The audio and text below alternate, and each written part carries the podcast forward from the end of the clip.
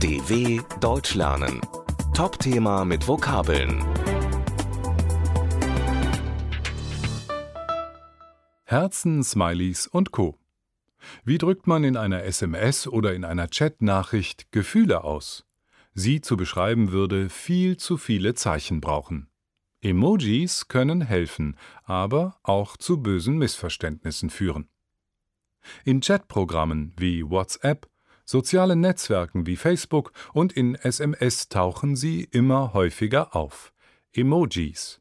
Aus dem Japanischen übersetzt bedeutet Emoji so viel wie Bild und Schrift. Die beliebtesten Icons sind das rote Herz, die Freudentränen und der lächelnde Smiley. Was früher mit Zeichenfolgen wie Doppelpunkt, Bindestrich, Klammer zu ausgedrückt wurde, dafür gibt es heute kleine bunte Bilder. Emojis sparen Platz. Das ist gerade auf einer Plattform wie Twitter, die nur 140 Zeichen pro Nachricht erlaubt, sehr praktisch. Die am häufigsten verwendeten Emoji-Programme für Smartphones bieten mehr als 700 verschiedene Bilder.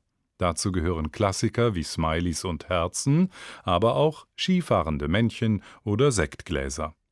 Einige Sprachwissenschaftler begründen den Einsatz von Emojis mit der Faulheit heutiger Jugendlicher, sich präzise in Worten auszudrücken. Die Psychologin Tina Ganster sieht das jedoch anders. Sie vergleicht Emojis mit der nonverbalen Kommunikation im persönlichen Gespräch und beschreibt sie als Ersatz für Mimik, Körpersprache und Tonfall. Emojis sind in kurzen Online-Texten oft die einzige Möglichkeit, Gefühle zu transportieren, meint Ganster. Genauso wie Mimik und Gestik werden auch Emojis je nach Kulturkreis unterschiedlich verwendet und sehen anders aus. So sind zum Beispiel in Asien die Augen der Smileys besonders wichtig und werden deshalb sehr groß dargestellt. Zu Schwierigkeiten kann es kommen, wenn Emojis Gesten darstellen, die kulturell bedingt missverstanden werden. Die Geste, bei der der Zeigefinger einen Kreis mit dem Daumen bildet und die restlichen Finger abgespreizt werden, bedeutet in vielen Kulturen okay. In Brasilien aber ist die gleiche Geste eine Beleidigung. Missverständnisse sind also auch mit Emojis nicht auszuschließen, genau wie im echten Leben.